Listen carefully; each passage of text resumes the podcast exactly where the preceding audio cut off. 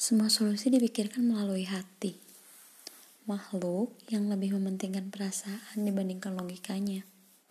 Tak heran jika perasaan emosi, empati, simpati, dan perilaku lemah lembut melekat pada dirinya.